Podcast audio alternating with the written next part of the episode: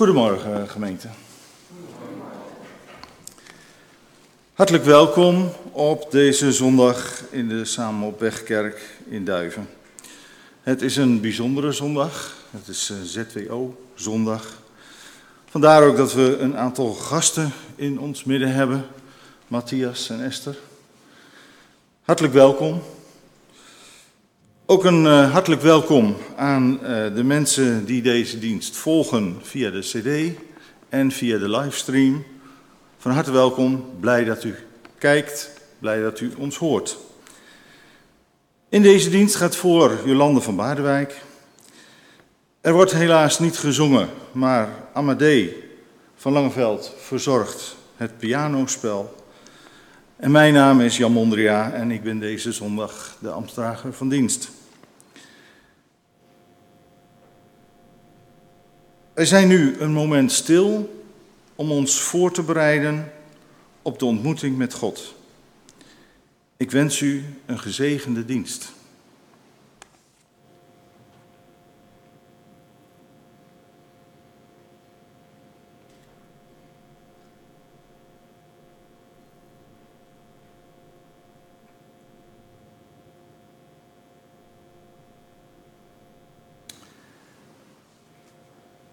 Wij luisteren nu naar ons eerste lied.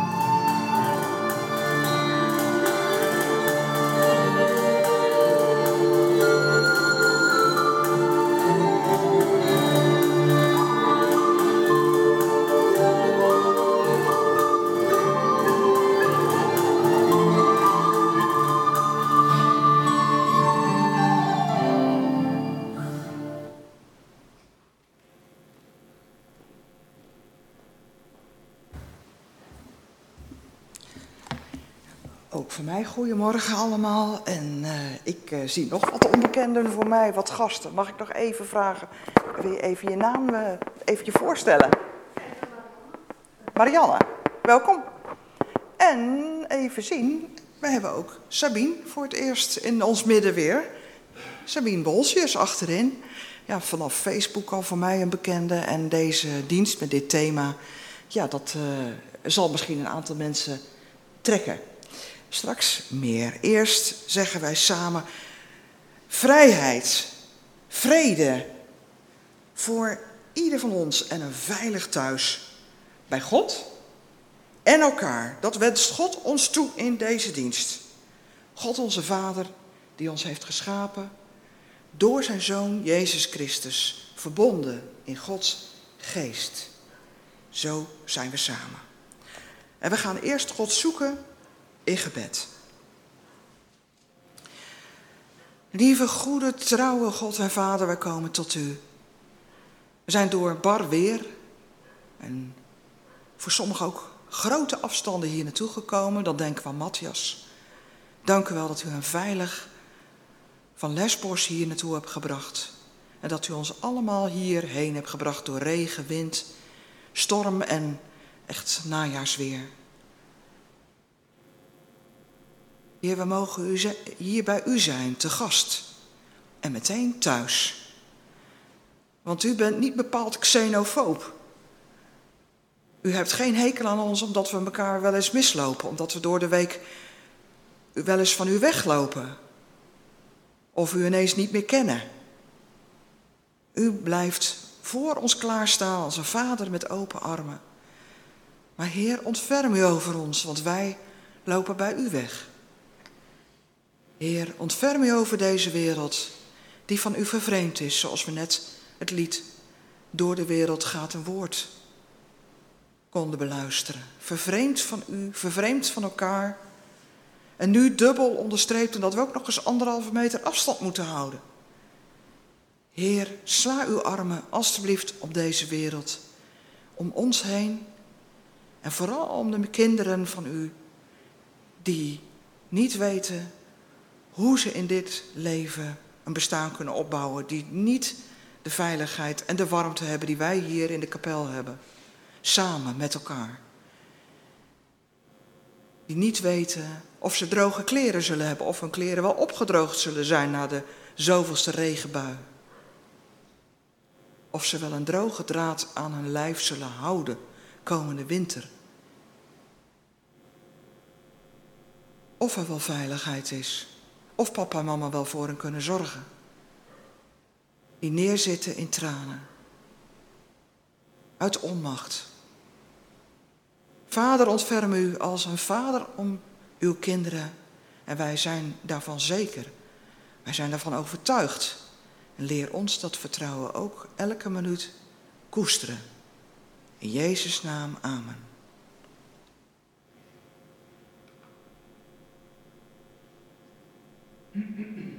U ziet hier ook op het scherm een uh, gebed om ontferming. En dan zie je rechts in dat hoekje Made in Slavery. Dat, komt dus, uh, dat is een soort denkbeeldig labeltje wat, wat je achter in je kleren zou kunnen meedragen. Om je eraan te herinneren van, ja, wat heb je nou eigenlijk aan je lijf hangen? En ik lees dat voor. Dat is een gebed om vergeving aan al die mensen die ergens in die keten van fouten uh, ja, die foute keten staan, waardoor die kleding bij ons terechtkomt. Het spijt me voor de pakjesbezorger die geen tijd meer heeft voor zijn gezin. Voor de arbeidsmigrant die met 16 anderen in een flatje is gepropt. Het spijt me. Voor het kind dat de coltan uit mijn smartphone opgroef. Ik weet niet eens wat het is zelfs, maar het is, zit in mijn smartphone. Het spijt me voor de moeder die om middernacht mijn t-shirt naaide. Het spijt me voor de vader die mijn koffiebonen plukte en al een jaar niet meer naar huis mag. Het spijt me voor de arbeider die het gif inademde van de verf op ons speelgoed en kleding. Het spijt me voor de keren dat ik eigenlijk het wel wist, maar wegkeek. Het spijt me voor de keren dat ik het niet wist, maar ik had het kunnen weten als ik het uitgezocht had, als ik de moeite genomen had. Het spijt me voor de keren dat ik dacht dat ik er recht op had.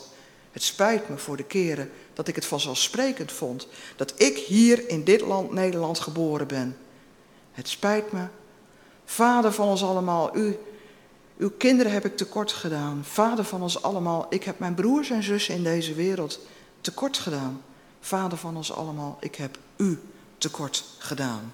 Het spijt me en dat zijn te weinig woorden.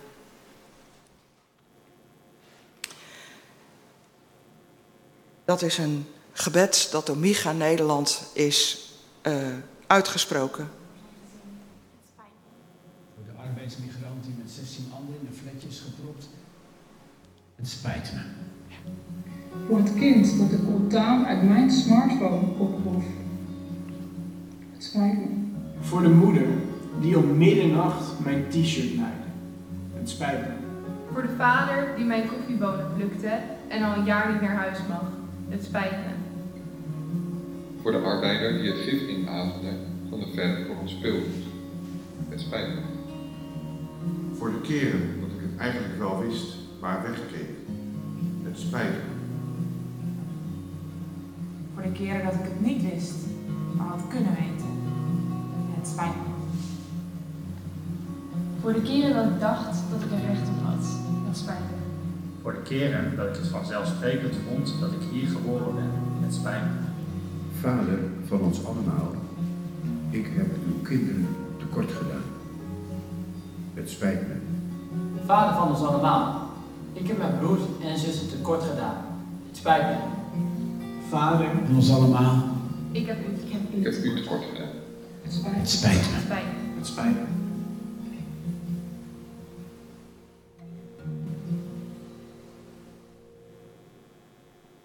Kan iedereen het lezen?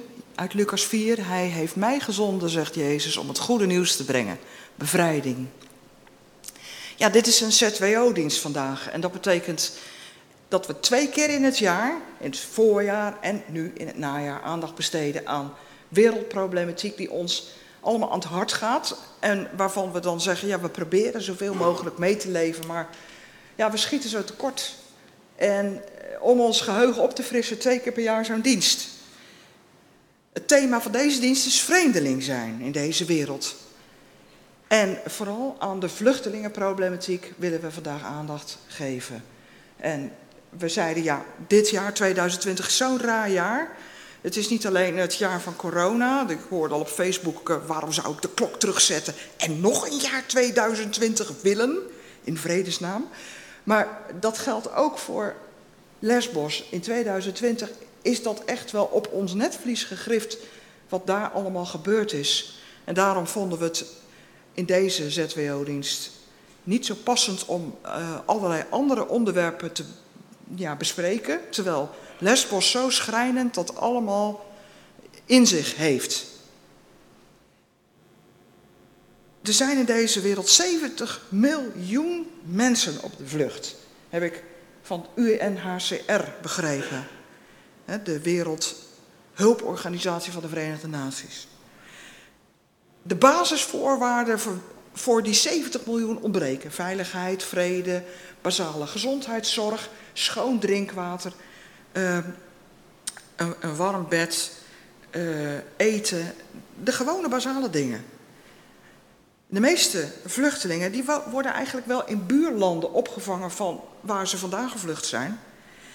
Maar ja, wat als je hè, concreet nu met een Turkije-deal te maken hebt en heel Europa koopt eigenlijk zijn geweten en zijn, zijn zielenrust af door tegen Turkije te zeggen: vang ze daar maar op, hou ze maar tegen. En dan uh, wordt dat gootje naar Europa, hè? Dat, dat, dat openingetje waardoor ze Europa binnen kunnen glippen, dat uh, verstoppen we dan, die afvoer. Hoezo ga je toch niet met mensen om? De mensen in Moria, daar zullen we straks meer van horen, die staan machteloos. Kunnen hun eigen kinderen geen veiligheid bieden. In onze gemeente hebben we ook 220 steeds meer betrokkenheid gekregen bij de mensen in het kamp Moria. Want in het voorjaar heeft Marjan, ik mag het wel even zo zeggen, de rugzakjesactie in onze gemeente georganiseerd. Er zijn heel veel rugzakjes ingezameld en naar Lesbos verstuurd. Heel cru, daarna brak een brand los uit. En we konden in het najaar weer aan een actie beginnen, een rugzakkenactie. Ik ga nu Matthias uitnodigen. Matthias is theatermaker op Lesbos. Ik mag jou vragen hier te komen. Ik geef jou deze microfoon. En nu mag jij op anderhalve meter afstand van mij vasthouden. Iedereen kan verstaan. en dan uh, ga ik je aankondigen. En Matthias Die werkt eigenlijk zoals we hier hebben gezien. Dit plaatje, dat kennen we inmiddels. Voor Changing Stories staat ook op zijn rug. Hij heeft het eh, Oh ja, trui kijk. aan. Ja, dat is een theatergenootschap. Iets meer hierheen voor het beeld, eh, want anders dan komen we ook niet in beeld. Ehm, jouw theatergezelschap, dat maakt eigenlijk al lang, hoeveel jaren al, theaterproducties voor kinderen in asielzoekers. Ja, klopt. Ja, we zijn begonnen in, eh, in asielzoekerscentra in Nederland. Dat is een jaar of vier, vijf geleden nu. En ehm, nou, je had het net al even over de EU-Turkije-deal. Eh, we hebben, zijn een paar jaar op eh, asielzoekerscentra geweest. Oh, leuk die beelden. Ehm, en ehm, nou, op een gegeven moment werd, werd die deal gesloten met Turkije, gingen de grenzen dicht. Dat was 2016. En, en na verloop van tijd zag je de gevolgen daarvan ook in de, in de asielzoekerscentra. En minder kinderen die aankwamen. Ehm, we hadden een, een, een manier dat we elke maand in principe naar asielzoekerscentra gingen. En elke maand kwamen we daar weer nieuwe kinderen. Ehm, omdat eh, nou ja, het was een soort van overgangscentrum. En eh, mensen gingen dan weer door. Ehm, dus in principe, in theorie, zouden we elke maand weer nieuwe kinderen eh, zien. Maar ja, op een gegeven moment werden die procedures zo lang en zagen we dezelfde kinderen terug. En eh, op een gegeven moment hebben we op het punt gestaan om, eh, om te zeggen, ja, misschien moeten we ermee ophouden. Ehm, want ja, Het hele Changing Stories ophouden. ja, nou ja, in, in principe, het was toen een initiatief. Ehm, we, eigenlijk, in principe zijn we eh, vorig jaar pas echt een stichting geworden. En dat heeft eigenlijk te maken met, met de beslissing die we toen gemaakt hebben. En, en de ontdekking van ja, het probleem is niet weg. Maar ehm, het probleem is verplaatst naar Griekenland. Want do- doordat al die grenzen dicht gingen, ehm, kwamen mensen vast te zitten op onder andere Lesbos. Dus de Turkije-deal grendelde die regio af van Europa. Ja. En de mensen die al op Lesbos zaten, zaten daar helemaal eh, afgesloten van iedereen en alles vast. Ja, kijk, ehm, in 2015 hebben we natuurlijk al een, golf, eh, een flinke golf gehad met, eh, met vluchtelingenstroom. En toen, toen was Lesbos ehm, een van de eilanden waar het ligt heel dicht bij Turkije. Je kan Turkije zien liggen aan de overkant. Hoe, hoeveel kilometer zit er tussen Lesbos en de Tur- Turkse kust? Ja, dat zal vijf kilometer zijn, hoog, hoog, hooguit. Ja, Vijf maar. Oké. ja. Je, je, je- je zou er bijna naartoe kunnen zwemmen, denk je. Maar, eh, Doen mensen dat wel eens? Ehm, ik ken één iemand die het gedaan heeft als vluchteling. Ja. En zelf ook een, eh, een NGO gestart is. Ja? Ehm, maar eh, er zijn niet veel mensen. Dit zijn hele, hele nare stromingen ook daar. En de- dat is ook de reden dat er veel mensen verdrinken daar. Het is Ja. een gevaarlijke zee. Ja. Dus wij hebben die beelden van de bootjes, hè? Op Ja. het netvlies. Nou ja, precies. Ja. Ja, en inderdaad, ehm, na verloop van tijd kwamen mensen daar daadwerkelijk vast te zitten. En hoopten zich letterlijk op. En, en ontstond dat kamp Moria. Dus mensen waren ontzettend blij dat ze uit Turkije hadden weten over te steken, want men was dan in Europa. Ja. Maar in feite zaten ze daar als een soort eh, afvoerputje, eh, eh, het gootje van Europa, samengepakt in een soort wachtsituatie waar geen uitzicht in feite was. Nee, ik heb zo ontzettend veel mensen gesproken die, die, die zo blij waren. Er zijn beelden van dat mensen aankomen op de, op de kust van Lesbos. En ja, we zijn in Europa, we zijn vrij. En dat je eindelijk weg bent uit, nou, uit dan wel Iran, Afghanistan, Turkije. ehm, maar nu zijn we in Europa. En eh, eigenlijk staat het ergste ze dan nog te wachten. Ja. En die, die contrasten zijn heel heftig. Ja, nou zien we jou, hè? je bent geschminkt. En jij- jullie hebben dus besloten als Changing Stories, wij gaan waar, nou ja, figuurlijk de brand is, namelijk op Lesbos. Ja. En wanneer ben je daar naartoe gegaan? Dat is eh, nu ehm, februari 2018 zijn we daar voor het eerst naartoe gegaan. Dat is nu ja, zo'n, iets van 2,5 jaar geleden. Ehm, ja, eigenlijk- Hoe lang ging je dan achter elkaar? dit is eh, één, twee weken hooguit. En dan ging ja, je echt, terug echt korte periode. Dan gingen we weer terug. Ja. Dus we eh, hebben ook echt besloten, laten we één, één korte periode naartoe gaan. En een, week lang gaan, gaan knallen met die kinderen, heel veel energie geven. En ehm, het gaat echt om ze even uit, uit de situatie van alle dag te halen. Om ze even, even die zinnen te verzetten. De, de, de, nou, de power of imagination zeggen we ook altijd. Het is echt die kracht om ze even eh, dingen te laten verbeelden. En, en dat stukje hoop. En nou, je ziet de kleur ook. De kleur is een heel belangrijk aspect. Ehm, we beginnen eigenlijk een, een week altijd eh, wit, met witte kostuums. Ehm, kinderen kleuren het in. Ehm, hier is het, eh, nou ja, dit was de eerste keer denk ik, of misschien de tweede, ik weet het niet meer. Later uh, nou, zijn we dat ook wat meer gaan stroomlijnen. Dat kinderen ook echt kunstwerkjes gaan maken. Het is heel leuk. Nou ja, je, sminken is ook een groot onderdeel daarvan. Ze sminken jou? Nou, normaal gesproken sminken wij de kinderen, maar nou ja, het is, ja, ja. soms kan het ook beide kanten ja. opgaan inderdaad. Wat heel bijzonder is overigens aan het sminken is, dat hebben we de eerste keer ontdekt. We dachten, oh, hoe leuk is het om, om te gaan sminken en dat kinderen als een soort kunstwerkjes daar rondlopen. En wat we de eerste keer ontdekten, dat, dat kinderen in de rij gaan staan om gesminkt te worden.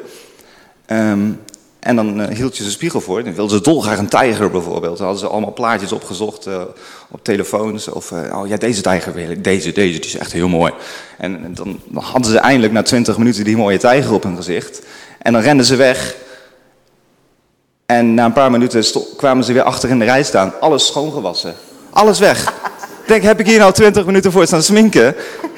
Maar wat, wat de eye-opener was, het gaat echt om die één op één aandacht. En iemand die echt even met jou in contact heeft, die in de ogen kijkt, dat iemand alleen maar met jou bezig is. En alleen maar. Uh, en, en, en ook, ook er is niet direct fysiek contact natuurlijk, er vaak een sponsje of een penseel tussen. Maar het is, het iets rustgevends ook voor, uh, voor getraumatiseerde kinderen. Ja. Super.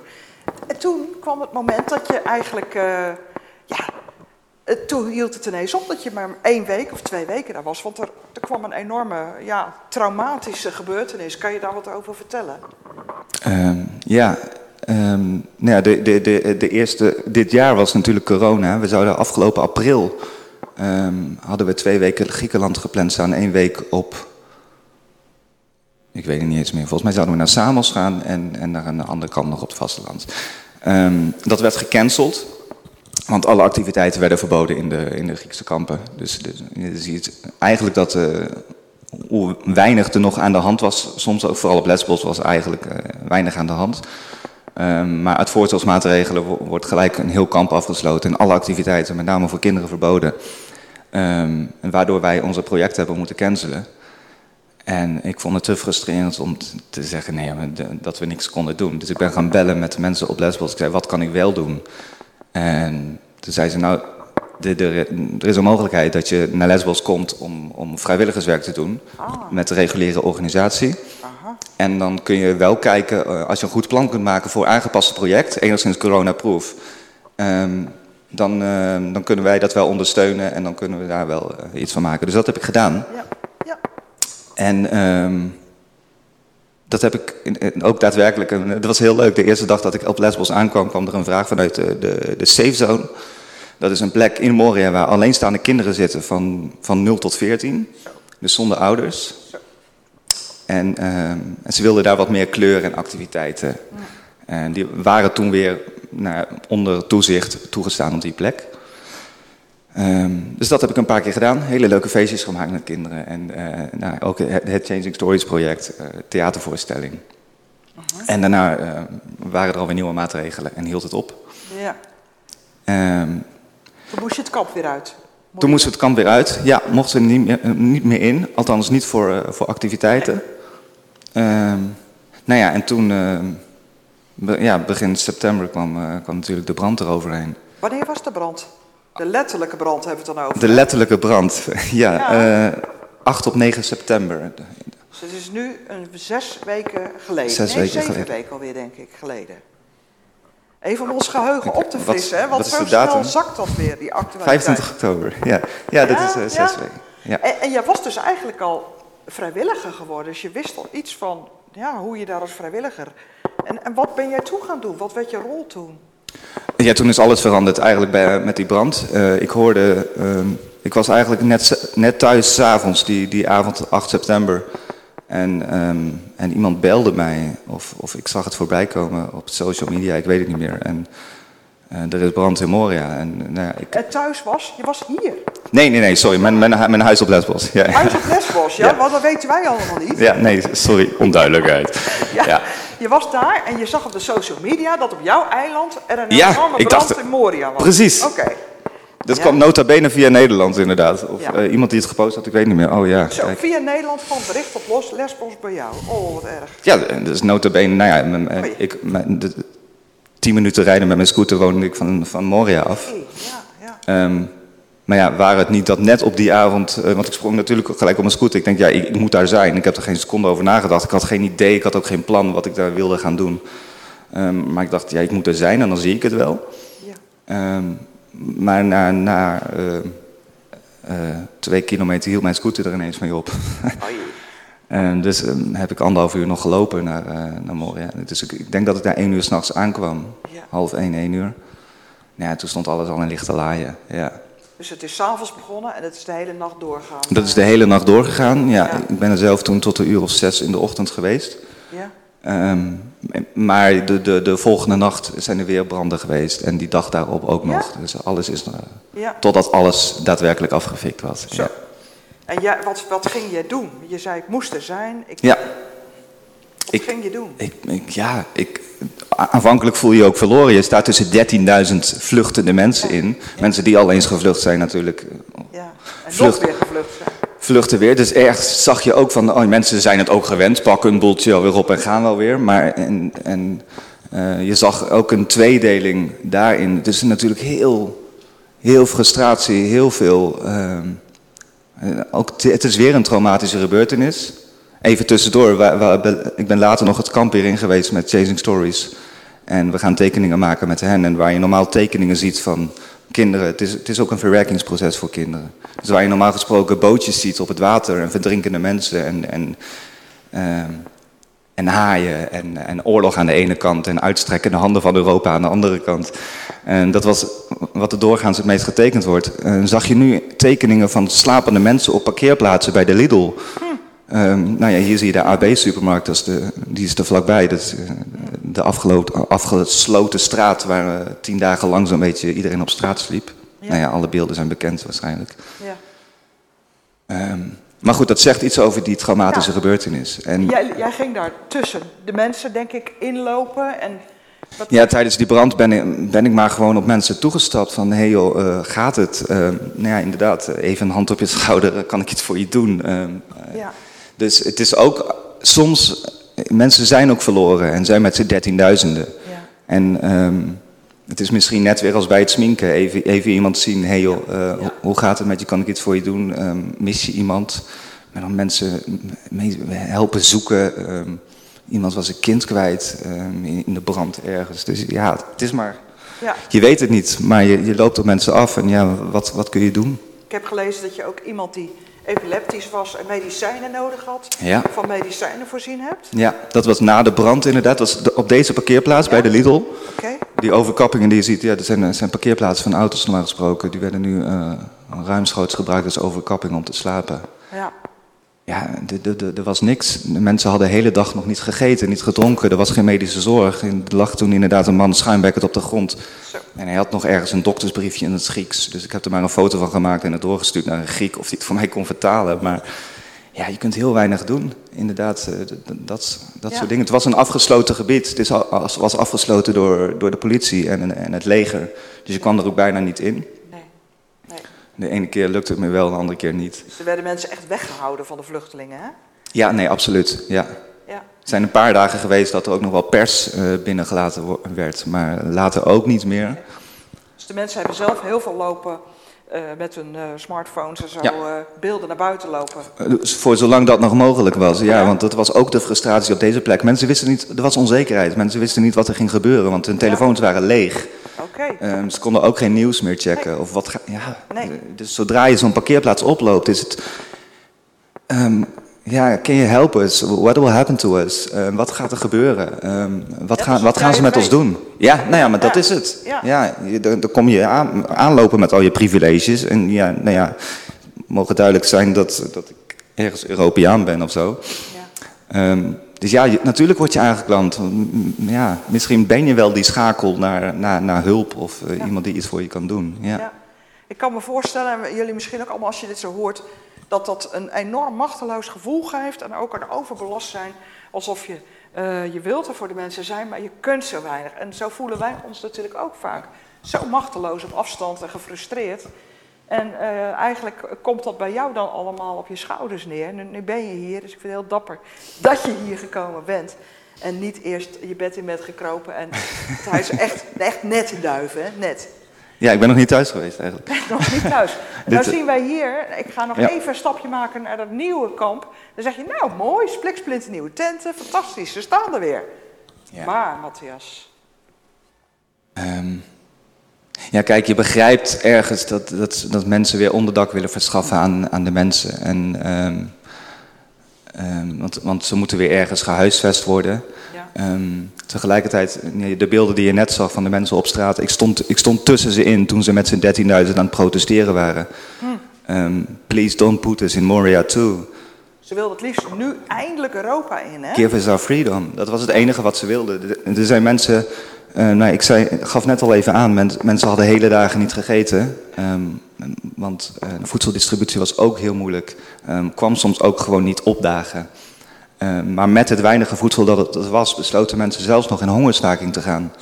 Want het be- beetje eten dat, dat is, nee, dat hoeven we dan ook niet. Geef eens gewoon onze vrijheid. En het enige waar ze de- tegen demonstreerden was dit nieuwe kamp. Want hoe erg die brand ook was, die momenten op straat waren, waren ook momenten van hoop. Ja. Ehm, nu gaat er iets gebeuren, nu gaat Europa iets doen en nu mogen we eindelijk van het eiland af. Ehm, Maar, niets was minder waar. niets was minder waar. Nee, dan, eh, binnen no time eh, was er, eh, werd er een nieuw kamp gebouwd. En je ziet hier de beelden. En die tenten, hè? Kun Ja. je daar iets over zeggen? Want hier zie je nog dat er een zonnetje op schijnt. Toen ik jou interviewde, dat interview staat op je Facebook. En dat kan ik ook op de WhatsApp zetten. Maar dan zie je dat jij lekker in het zonnetje staat. Nou, wij denken allemaal Griekenland, fijn, leuk, vakantieeiland, Lesbos. En er gaan ook mensen werkelijk voor hun lol op vakantie naar Lesbos. Wat overigens heel goed is, hè? Fijn. Dat is goed dat je het zegt. Want ik, denk, ik denk, hoe kun je... Nee, la- laten, ja, het, kan, het kan heel wrang voelen, dat even tussendoor. ja, ja, precies. maar, maar het is een fantastisch mooi eiland. Ja, oké. en, en de lokale bevolking heeft echt spekken, heel zwaar te voor die, eh, Ja, heeft het, ook spekken. De toerisme is met 80, 90 procent gekelderd en je ziet de ene na de andere zaak sluiten. Goed. Dus ondersteun ze vooral, ja. Goed. Maar die tenten, staan, eh, we zagen het op het allereerste plaatje, ik weet niet of we die nog een keer kunnen zien, dat Matthias op een heuvel staat. En dan zien we het tentenkamp achter hem, dit tentenkamp van UNHCR. Dat ligt daar links achter je. Ik denk de spiegel, eh, de foto is gespiegeld, ge- gedraaid, hè? Ehm, nee, dat denk ik niet. Klopt het toch? Nee, dat klopt, ja. Ja, oké. Ja, je ziet hier eigenlijk eh, om, om deze berg heen is, is het kamp gebouwd. Oké. Ehm, om even je idee te geven, daar rechts is de Lidl die je net zag, de parkeerplaats. Ja. Ehm, met ook eh, het, het Karateppenkamp, dat is een ander klein kamp, wat allemaal heel goed voor elkaar is. Ja. Ehm, en hier om die berg heen, ze hebben hier bovenop die berg nu een activiteitenterreintje gemaakt, eh, waar ook wel gevoetbald wordt. Zeg maar, dat is het lekker daar in het zonnetje, zei ik dus al. Ja. En nu? En nu? Op dit moment in de herfst? Ja, nu op dit moment is, is er wel weer zon, maar er zijn inmiddels ehm, een aantal dagen van, van flinke regen geweest. En dat is ook wel een voorbode voor wat er nog gaat komen. Ehm, en ja, die, die tenten zijn er totaal niet opgebouwd. Of, eh, ehm, Je zei dat er geen eens een bodem in lag, geen zeil. nee, nee, ik had toevallig gisteren nog contact met iemand in het kamp. Ze zijn nu bezig wel met, met pallets erin te leggen. Maar ehm, het hele terrein, die, die, dit- dit zijn... In Moria waren de betere tenten. Dit zijn tenten die, die heel snel opgezet zijn. ehm, niet eens waterdicht zijn, dus het lekt naar binnen. Maar alles, eh, alle bezittingen drijven ook weg. Ehm, De mensen liggen in de modder. de mensen liggen letterlijk in de modder. Ja. Ehm, het is een, een, een terrein van de overheid, eh, van Defensie. Voormalig schietterrein. De, de bodem is zwaar verontreinigd en, en, en giftig. Dus er zijn al een aantal oproepen geweest ook, eh, nee, dat het echt heel gevaarlijk is voor, voor spelende kinderen. Er lopen nu tussen de 3.000, 4.000 kinderen. Ja. Dus, en eh, ik heb met een aantal Grieken gesproken die zelf ook heel kritisch waren op de vluchtelingen. Ehm, en wat ik net al zei, ze hebben het zwaar te verduren. Dus, dus logisch dat ze er kritisch op zijn, ook naar Europa toe. Die er helemaal klaar mee zijn. Maar zelfs zij die zeggen, dit kunnen ze niet deze mensen aandoen. Want dit terrein, het, het ligt aan zee, je zag het. Ehm, het is de plek op het eiland waar eh, de wind wel waarschijnlijk het meest heftig is. Ja. Eh, dus als het gaat stormen, ehm, eh, als, als de, de zee eroverheen komt, als, eh, nou ja, en, en in combinatie met de grond. Nee, er, zijn al wat beelden, zoek ze op zou ik zeggen. Je ziet, je ziet alles drijven. ja, dan wordt het een slagpartij. Dat, eh, ja, precies. Ja. Matthias, ik wil jou heel erg bedanken voor jouw, het delen van jouw belevenissen. En dit leek ons een aardige foto om mee af te sluiten. Die stuurde je mij ook. Een klein kind die uh, bordje omhoog houdt. We are human. Wij zijn wel mensen, hè? Ja. Uh, hoe ga jij verder nu? In Duiven, in Nederland? Ga je met Changing Stories verder? Changing Stories gaat absoluut verder, ja. En jij gaat met hen verder? Ja, ja, zeker, zeker. steeds moed? ja, ik ga even opladen, maar we gaan zeker weer een nieuw plan maken om, om ook weer terug te gaan. Ehm, want dit blijft keihard nodig om, om juist die kinderen ehm, even die momenten van, van, van hoop en plezier te geven. Dat is echt heel krachtig. En tegelijkertijd zie je daarin ook een ontlasting voor, ook voor de ouders. Want als die kinderen blij zijn. De grootste zorg van de ouders zit, zit in de zorg voor de kinderen. En dat ze niet in staat zijn om, om hun kinderen te bieden wat nodig is. Ehm, dus ja, daar zijn absoluut nog, nog plannen voor. Ik, eh, we hebben, ehm, afgelopen mei hebben we 5000 kleurboeken laten maken voor kinderen. Eh, waar we nog niet in gelegenheid zijn geweest om, om die uit te delen. Maar die heb ik eh, nog vlak voordat ik wegging ergens kunnen opslaan.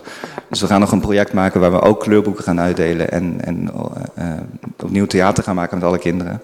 De restricties veranderen nu nog heel veel. We zijn een paar dagen het kamp in geweest, toen moesten we er alweer uit.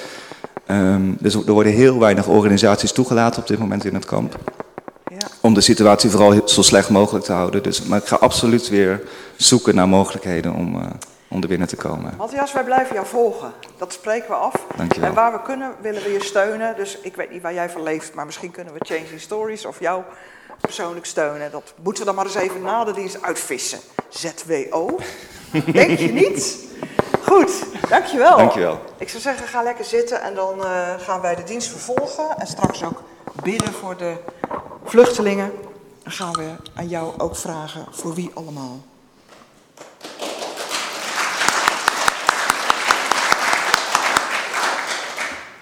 Ja, dat mag wel duidelijk zijn. Ons grote respect. En wij gaan luisteren naar een lied. Het lied van Houvast. Op zoek naar Houvast.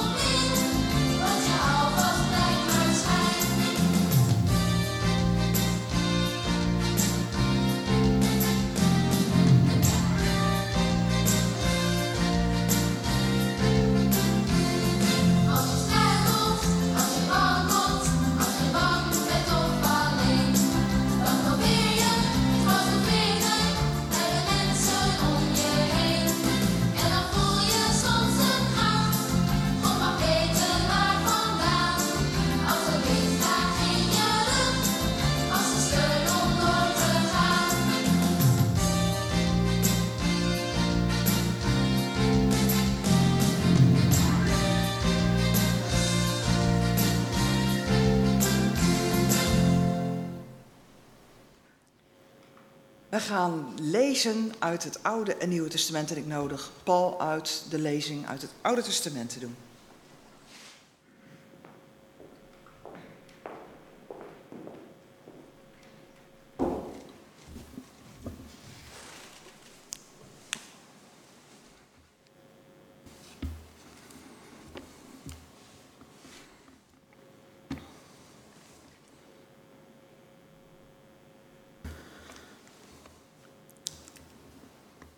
Exodus eh, 2 vanaf vers 15b. Zo kwam Mozes in Midjan terecht en daar ging hij bij een put zitten. De priester van Midjan had zeven dochters. Ze kwamen daar water putten en vulden de drinkbakken om de schapen en geiten van hun vader te drinken te geven. Maar er kwamen ook herders die hen wilden wegjagen. En daarop schoot Mozes hun te hulp en gaf het vee te drinken. Toen ze thuis kwamen, vroeg hun vader, Reuel heet hij, hoe het kwam dat ze die dag zo snel terugkwamen. Er was een Egyptenaar die ons te hulp kwam tegen de herders, antwoordden ze. En hij heeft ook water voor ons geput en de dieren te drinken gegeven. En waar is hij nu? vroeg hun vader. Waarom hebben jullie die man niet ach- daar achtergelaten? Nodig hem uit om hier te komen eten. Mozes liet zich overhalen om bij die man te blijven. En deze gaf hem zijn dochter Sephora tot vrouw. Ze bracht een zoon ter wereld en Mozes noemde hem Gerson. Want, zei hij, ik ben een vreemdeling geworden. Ik woon in een land dat ik niet ken. Deuteronomium 6 vanaf vers 4. Luister Israël, de Heer onze God, de Heer is de enige. Heb daarom de Heer uw God lief met hart en ziel en met inzet van al uw krachten. Houd de geboden die ik u vandaag opleg steeds in gedachten. Prent ze in uw kinderen in. En spreek erover thuis en onderweg. Als u naar bed gaat en als u opstaat. Draag ze als een teken om uw arm, als een band om uw voorhoofd. Schrijf ze op de deurposten van uw huis en op de poorten van de stad.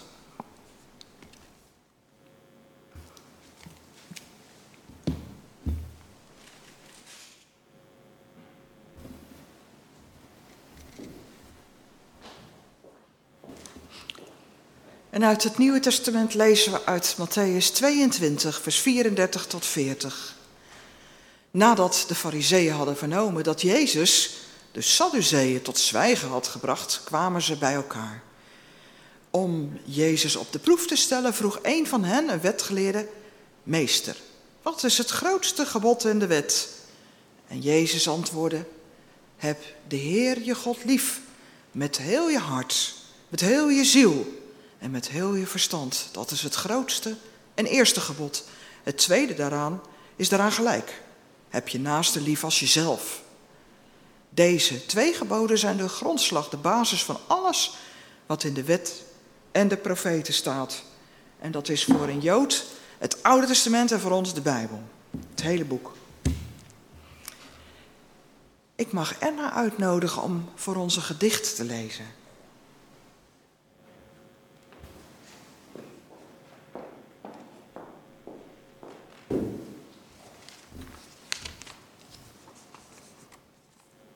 De vluchteling.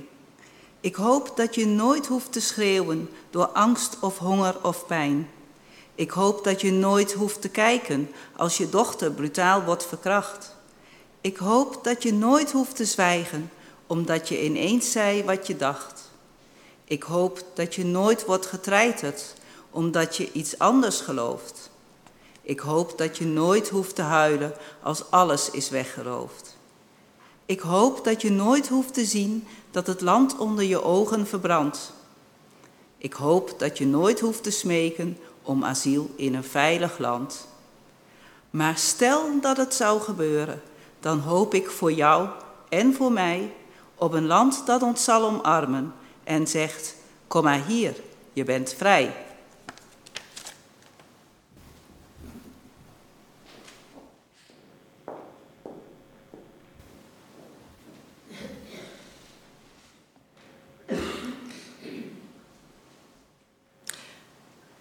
Heb je ooit wel eens uh, je levensverhaal moeten schrijven? Uh, ja, sommige mensen voelen uit zichzelf de drang opkomen om iets van hun levensverhaal te beschrijven. Maar het kan ook gebeuren dat je dat gevraagd wordt, dus uh, in zekere zin een opdracht krijgt. Dan heb je de neiging om je leven ja, misschien in te delen in, in, in hoofdstukken. Hè? Want je, je zou een boek moeten schrijven eigenlijk, denk je wel eens. Het is zoveel te vertellen, waar begin ik? En dan ga je zoeken naar uh, hoe deel ik dat dan in? Of in fases van je ontwikkeling. Ik heb het wel eens geprobeerd. Was best lastig. Of eh, bijvoorbeeld, er is één grote indrukwekkende gebeurtenis in je leven geweest en je deelt je leven in in voor en na. Voor en na de emigratie. Voor en nadat ik kanker kreeg. Voor en na de scheiding. Of voor en na mijn ontslag. Zoiets, hè? Dat zou dan de hoofdindeling kunnen zijn. Als je in de Bijbel kijkt, dan komen we bij Mozes eigenlijk ook zijn levensverhaal breed uitgemeten tegen. En daar, staan, zijn hoofdstukken in. In Handelingen 7, dat hebben we nou niet gelezen, daar is Stefanus aan het woord. En die deelt Mozes leven in drie fases in. Eén, voor zijn vlucht, het lijkt wel zo'n ouderwetse preek. Eén, voor zijn vlucht uit Egypte, toen had hij een leven als een prins. Twee, zijn leven in de woestijn als herder, nou een stukje minder.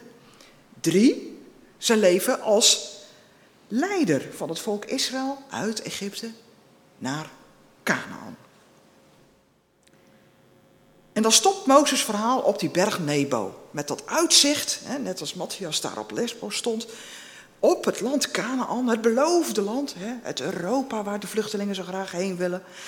En dan gaat Mozes dat land niet in. Hij sterft voor het zover is. Dat wil zeggen, God neemt hem weg. En Stefanus die zegt, nou dat is mooi, hij is 120 jaar geworden. Die drie fases is ieder 40 jaar. 40 jaar prins, 40 jaar herder, 40 jaar leider van een volk. We beginnen bij die eerste fase. Mozes die was in Egypte een gezettelde paleisbewoner. En zijn baby- en peutertijd was niet in het paleis. Hij was niet veilig. De farao wilde alle Israëlische jongetjes vermoorden. Maar ironisch genoeg adopteerde zijn eigen dochter, de Egyptische prinses, Mozes. Ze redde hem uit het water. En in de loop van Mozes' volwassen leven krijgt hij de drang om zijn biologische wortels te gaan onderzoeken. Dat hebben heel veel geadopteerde kinderen. En hij gaat kijken hoe zijn volksgenoten daar leven en uitgebuit worden. Ze zijn tot slaaf gemaakt, ze moeten hard zwoegen in de zon. Ze worden afgebeuld met zwepen, ze moeten bouwen. En Mozes die wordt zo boos, want hij wil het voor zijn volk opnemen. En hij slaat een van die slavendrijvers dood. En dan komt hij de dag erna achter dat hij gezien is. Dat iemand die moord gezien heeft. En hij denkt, ik moet vluchten. En hij vlucht, hij wordt een vluchteling. Maar hij is geen gelukzoeker. Hij gaat niet weg omdat hij dat leven aan dat Egyptische hof zat was. Nee, hij moet rennen voor zijn leven, want anders dan wordt hij terechtgesteld. De farao zal op die moord zijn hoofd eisen. En Mozes vlucht naar Midian. Een land ver op het Arabisch schiereiland, helemaal naar het oosten. Hij kent daar niemand. En hij zit bij een put. Hij zit in de put. Hij zit bij de put. En daar komt een meisje waterputten met haar zussen. Het is de dochter van een priester van Midian. En ze denkt niet anders van, hé, hey, daar komt een Egyptenaar aan. Ja, want hij loopt nog wel in zijn prinsenplunje. Nou ja, plunje. Pakje. Dat is wel een enorme miskenning natuurlijk voor Mozes. Want ja, hij is een Israëliet. was net bezig om die fase van zijn leven in kaart te brengen. Waar kom ik nou vandaan? Wat zijn mijn wortels? Wie zijn mijn volksgenoten? Wie, wie ben ik zelf? En dan wordt hij aangezien voor een verlengstuk van dat volk wat zijn volk onderdrukt. Zijn naam Mozes betekent in het Egyptisch ook zoon van. Denk maar aan farao-naam als Toetmozes, Amoze. En in het Hebreeuws betekent het uit het water gered. Is een dubbele bodem in zijn naam. Zo is hij, dubbel. Twee identiteiten. Omdat Mozes dat meisje Zippora bij die put helpt en tegen die herders die haar proberen weg te jagen, neemt Zippora hem mee naar huis, naar haar familie. En haar familie, haar vader, die priester, ontfermt zich gastvrij over Mozes. En hij mag zelfs met Zippora trouwen. En zo krijgt Mozes nieuwe familie. Hij wordt als het ware in een nieuwe familie, een andere familie geadopteerd. Ja, derde volk. Een beetje Egyptenaar, een beetje Israëliet, een beetje Midianiet. Maar hij voelt zich daar toch welkom. En hij krijgt samen met Zippora twee zoons en een daarvan noemt hij Gerson. Gersom, vreemdeling in een vreemd land. En hij drukt daarmee zijn eigen gevoel uit. Ik ben een zwerver. Ik loop maar wat over deze aardbol. Ik ben ontworteld. Dat is een beetje een rare naam, hè, om je kind vreemde te noemen. Vreemde. Weirdo, mafkees. Nee, ze noemen je je kind toch niet? Beetje vreemd, hè? Maar eigenlijk zegt het meer over Mozes. Want als je een zwerver bent en je bent uit. eh, je voelt je ontheemd of ontworteld. Dan heb je niks gemeenschappelijks met een ander. Je spreekt niet dezelfde taal. Je, spreekt niet, je deelt niet dezelfde cultuur. Je deelt niet hetzelfde geloof.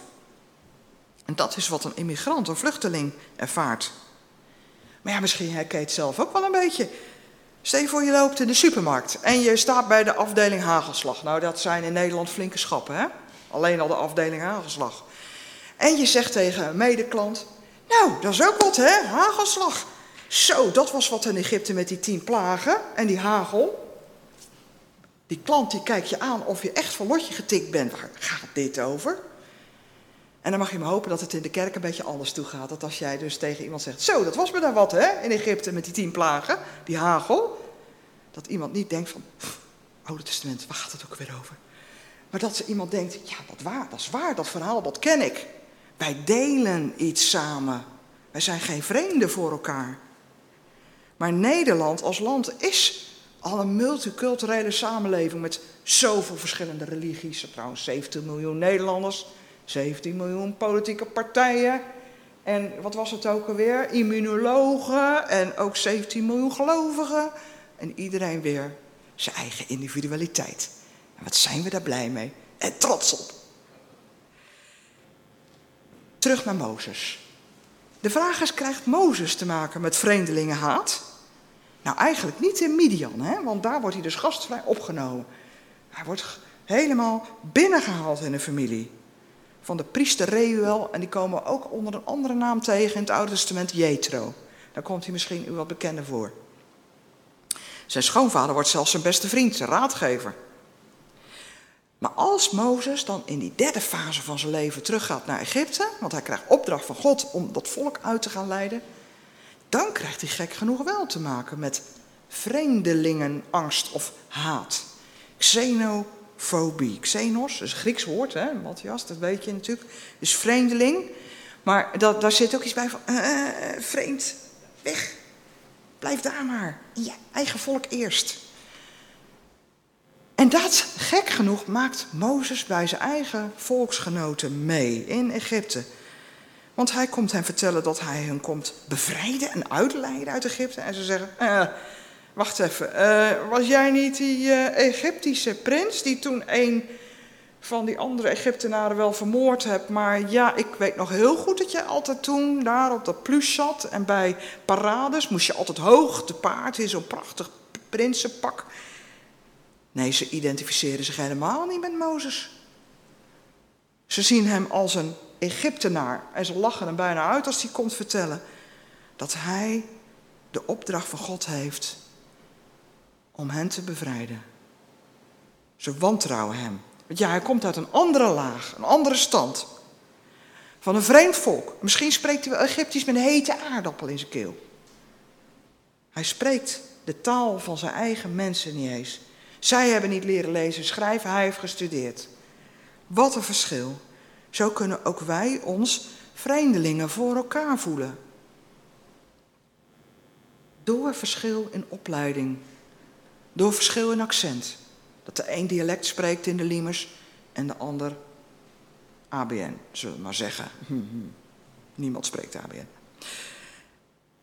Je kunt je ook als buitenlander een outsider voelen, buitenstaander.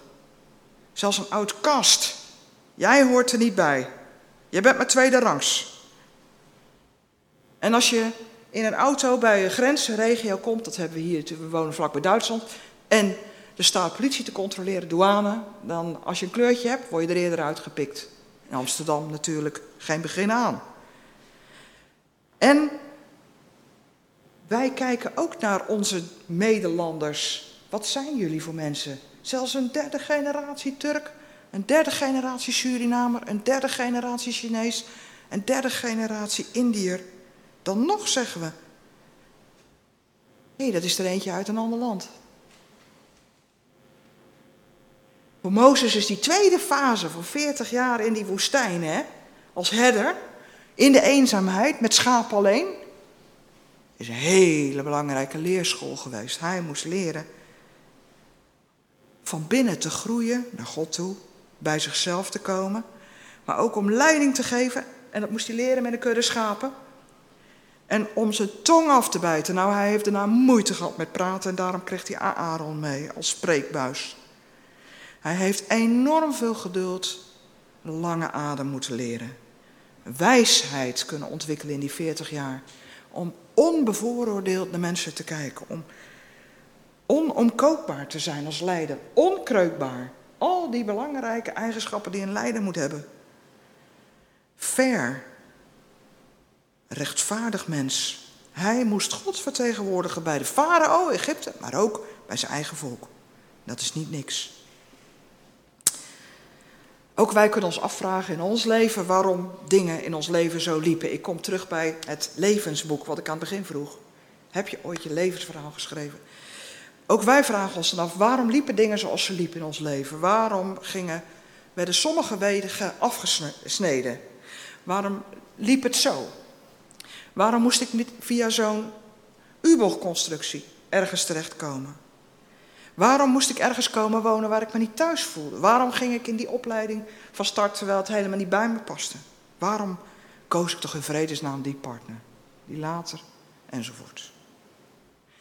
Maar over ons levensboek weten we, en daar gaan we over een maand op de laatste zondag van ons kerkelijk jaar bij stilstaan, dat God ons boek nooit vergeet. Al schrijven we het nooit. Hij weet niet alleen de titel, hij weet niet alleen het begin, hij weet ook het slot voordat wij het weten. Hij houdt al onze namen en levens in zijn hand. En ook die van alle vluchtelingen in deze wereld. Hij houdt de wereld in zijn hand. En wij zijn in zijn hand gegrift. God kan onze levensloop, dat zien we Matthias, maar dat kan voor ons ook, inzetten voor een goed doel. Ons levensverhaal kan een wending krijgen voor het doel wat God met ons heeft. Vluchtelingen schrijven ook hun levensverhaal. Waarschijnlijk hebben ze geen pen en papier meer na de brand. Maar ze schrijven het in hun hart of ze vertellen het aan en door. Ze komen ook vaak uit culturen die verhalen mondeling doorvertellen. En als jij je levensverhaal daar in die UNHCR tentjes van nu moet schrijven, dan hoop je toch, verdraait dat dat hoofdstuk daar zo kort mogelijk mag duren. In dit koude, tochtige tentje zonder zeil, waar geen dubbel uh, zeildoek is en je gewoon de regen door de tent heen op je slaapzak krijgt. Want je wilt zo graag het vrije Europa en daar een opleiding doen of je kinderen die gunnen en dan een veilig leven opbouwen. En het land waar je terecht komt meehelpen opbouwen. Of als je terug mocht gaan naar je herkomstland, dat je dat land gaat opbouwen. Dat je daar veiligheid en alle basisdingen zult meemaken. Maar hoe lang gaat dit hoofdstuk duren? En zo zijn ook onze handen met hen gebonden. In machteloosheid, en daarom gaan we straks bidden. In frustratie. We kijken toe en soms kijken we ook liever weg. We kunnen niks anders doen dan bidden en geven. En daarom staan daar al hulpgoederen klaar. Die gaan dinsdag mee met een organisatie in Arnhem.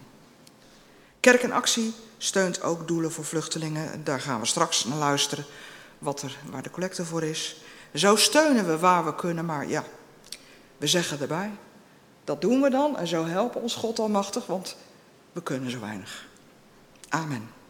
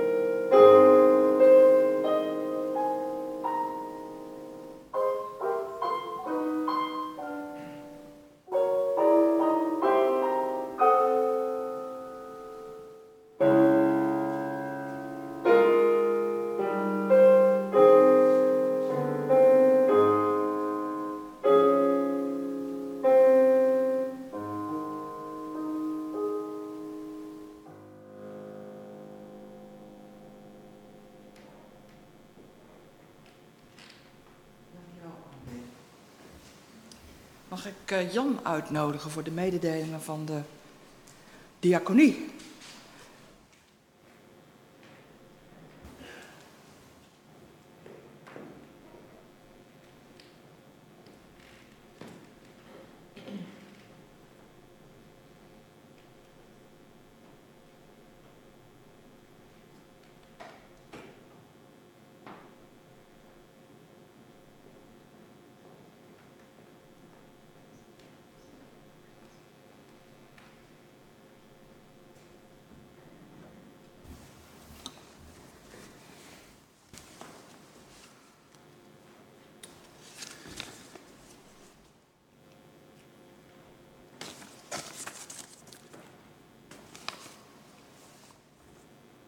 Ja, u ziet hier voor eh, de preekstoel een bos bloemen staan.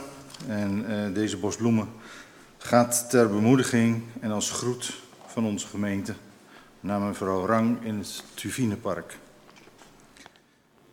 Als er mensen zijn die de bosbloemen willen wegbrengen, dan kunt u zich bij mij melden. De collectes voor vanochtend. Nou, u ziet het al staan. De eerste is voor de opvang van asielzoekers, gestrande vluchtelingen op Lesbos. Ehm, dit is ook eh, een onderdeel van eh, Kerk in Actie. En eh, Kerk in Actie die zorgt in ieder geval voor dat die, dat die vluchtelingen daar worden ondersteund. De tweede collecte is voor beheer en onderhoud. En eh, u kunt ook gebruik maken van onze GIVT-app, zover u daarvan nog geen gebruik maakt. Alle collectors, collectors zijn van harte bij u aanbevolen. Geeft u met uw hart. Oh, ehm, even, we doen het op die manier dat de schalen van de collectors staan bij de uitgang. En ook ehm, het eh, apparaatje voor, het, eh, voor de app waarmee je kunt geven, staat in de eerste schaal. Dus op die manier kunt u geven.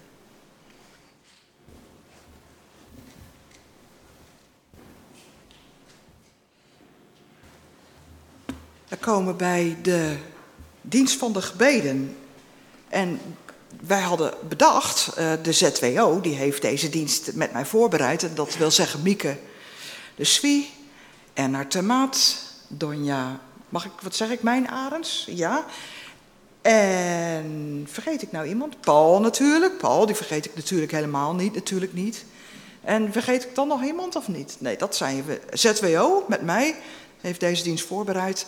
En toen dachten we, het zou mooi zijn als we natuurlijk aan Matthias een filmpje konden meegeven van stukken uit deze dienst. Eh, waardoor we ter bemoediging de vluchtelingen op Lesbos, met wie hij natuurlijk nog app-contact heeft, een hart onder de riem kan steken. En dat willen we dus nu doen met de gebeden. En het filmpje wat door ZWO is gemaakt, dat komt nu. En dan gaan we daarna ook in de voorbedes.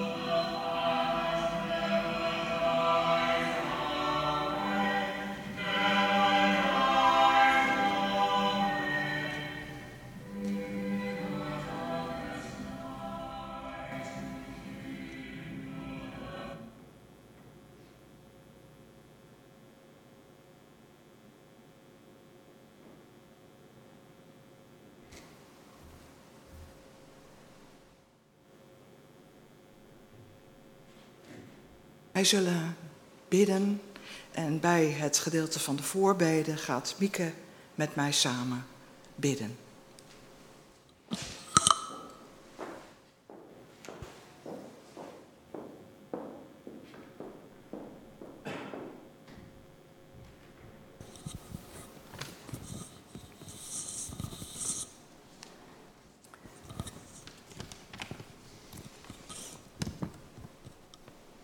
Lieve God en Vader, wij zijn weer erg dankbaar dat we zo kunnen samen zijn.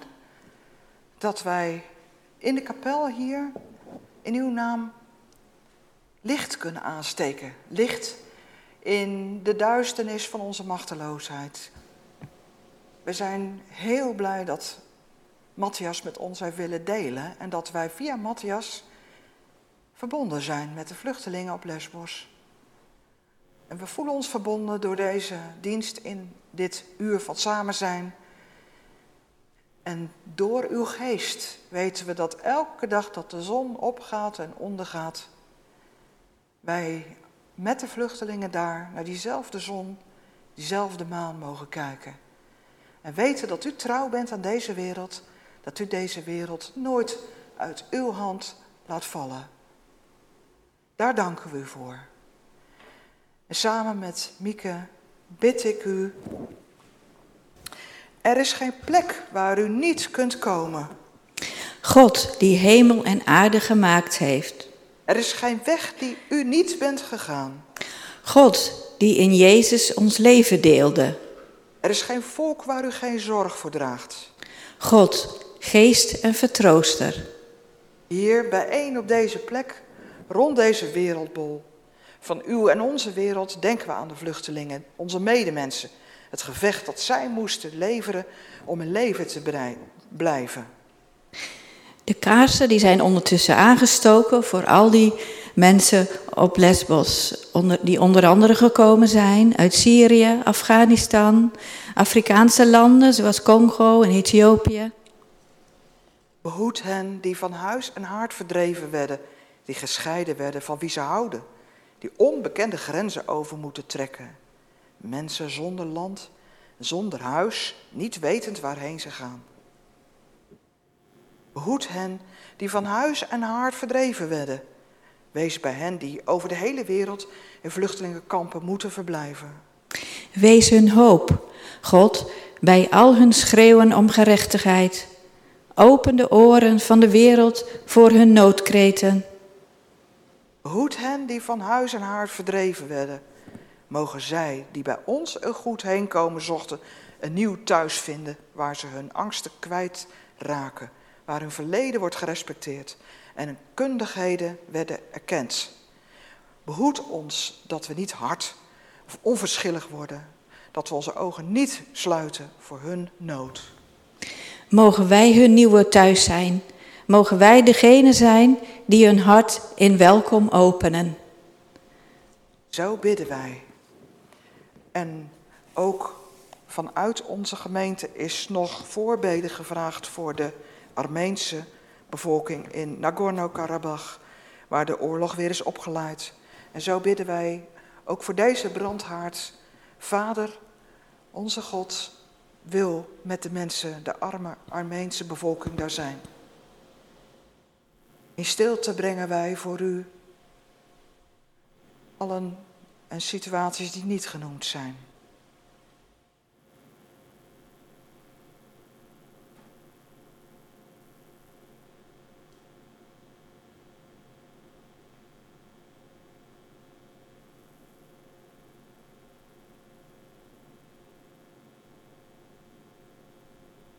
Onze Vader in de hemel, uw naam worden geheiligd, uw koninkrijk komen, uw wil geschieden in de hemel en op aarde.